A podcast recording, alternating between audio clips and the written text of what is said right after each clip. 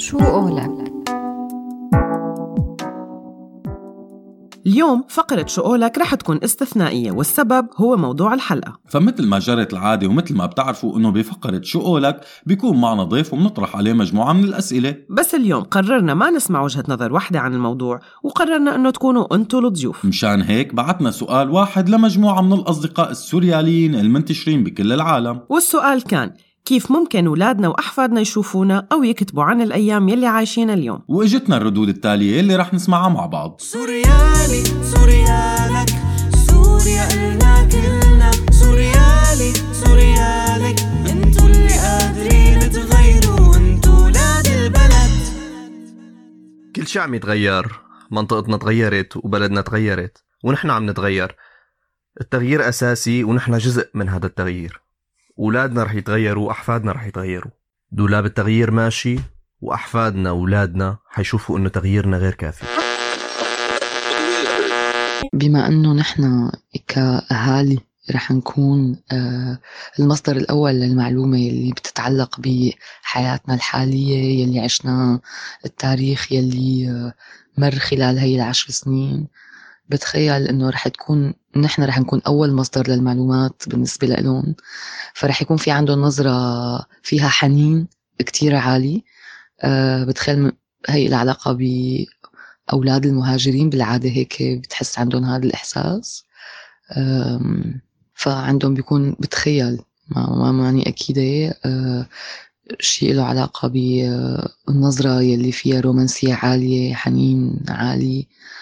بنفس الوقت أه، بجوز يحسوا إنه أه، نحن مرت علينا ظروف صعبة بجوز يشوفوا الموضوع بطريقة قاسية آه، بسبب إذا شافوها بس عن طريق الأخبار والتاريخ وما إلى ذلك من الكتب والفيديوهات وكل اللي مرق آه، بس ما بعرف إذا رح يسبونا ما بتوقع إنه رح يسبوا لأنه آه، نحن يلي رح نكون يعني نحن المصدر المعلومة المعلومة الأول رح ينتبهوا إنه نحن وضعنا مختلف عن العالم التانية بنفس الوقت رح ينتبهوا إنه هن بهي البلد.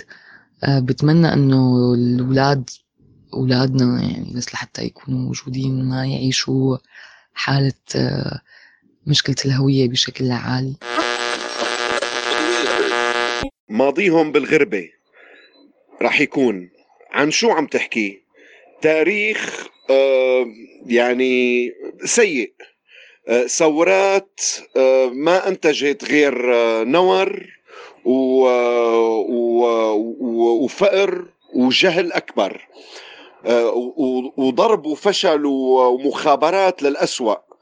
آه، أحسن شيء عملنا إنه ربنا ساعدنا نعطيهم جنسية أوروبية أو أمريكية أو جنوب أمريكية أو حتى أفريقية.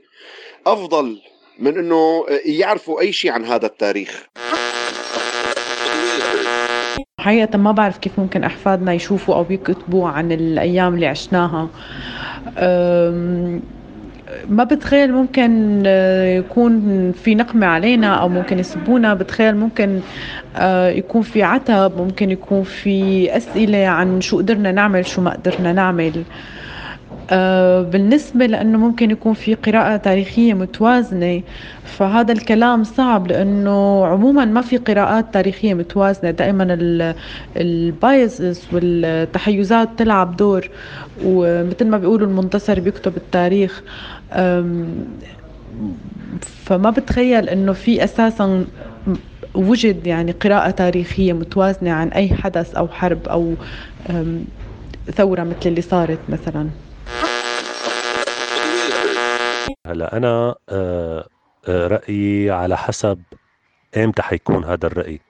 يعني بالمستقبل يعني بعد مثلا عشرين سنة ولا رأيي هلأ؟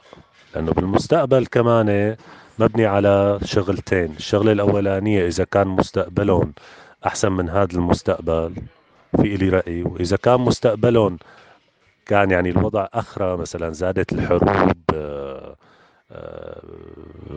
تعتروا أكثر زاد الفقر آه، البيئة آه، صارت زبالة أكثر يعني حتى الطبيعة يعني قصدي فكل شيء يعني له رأي شو قولك؟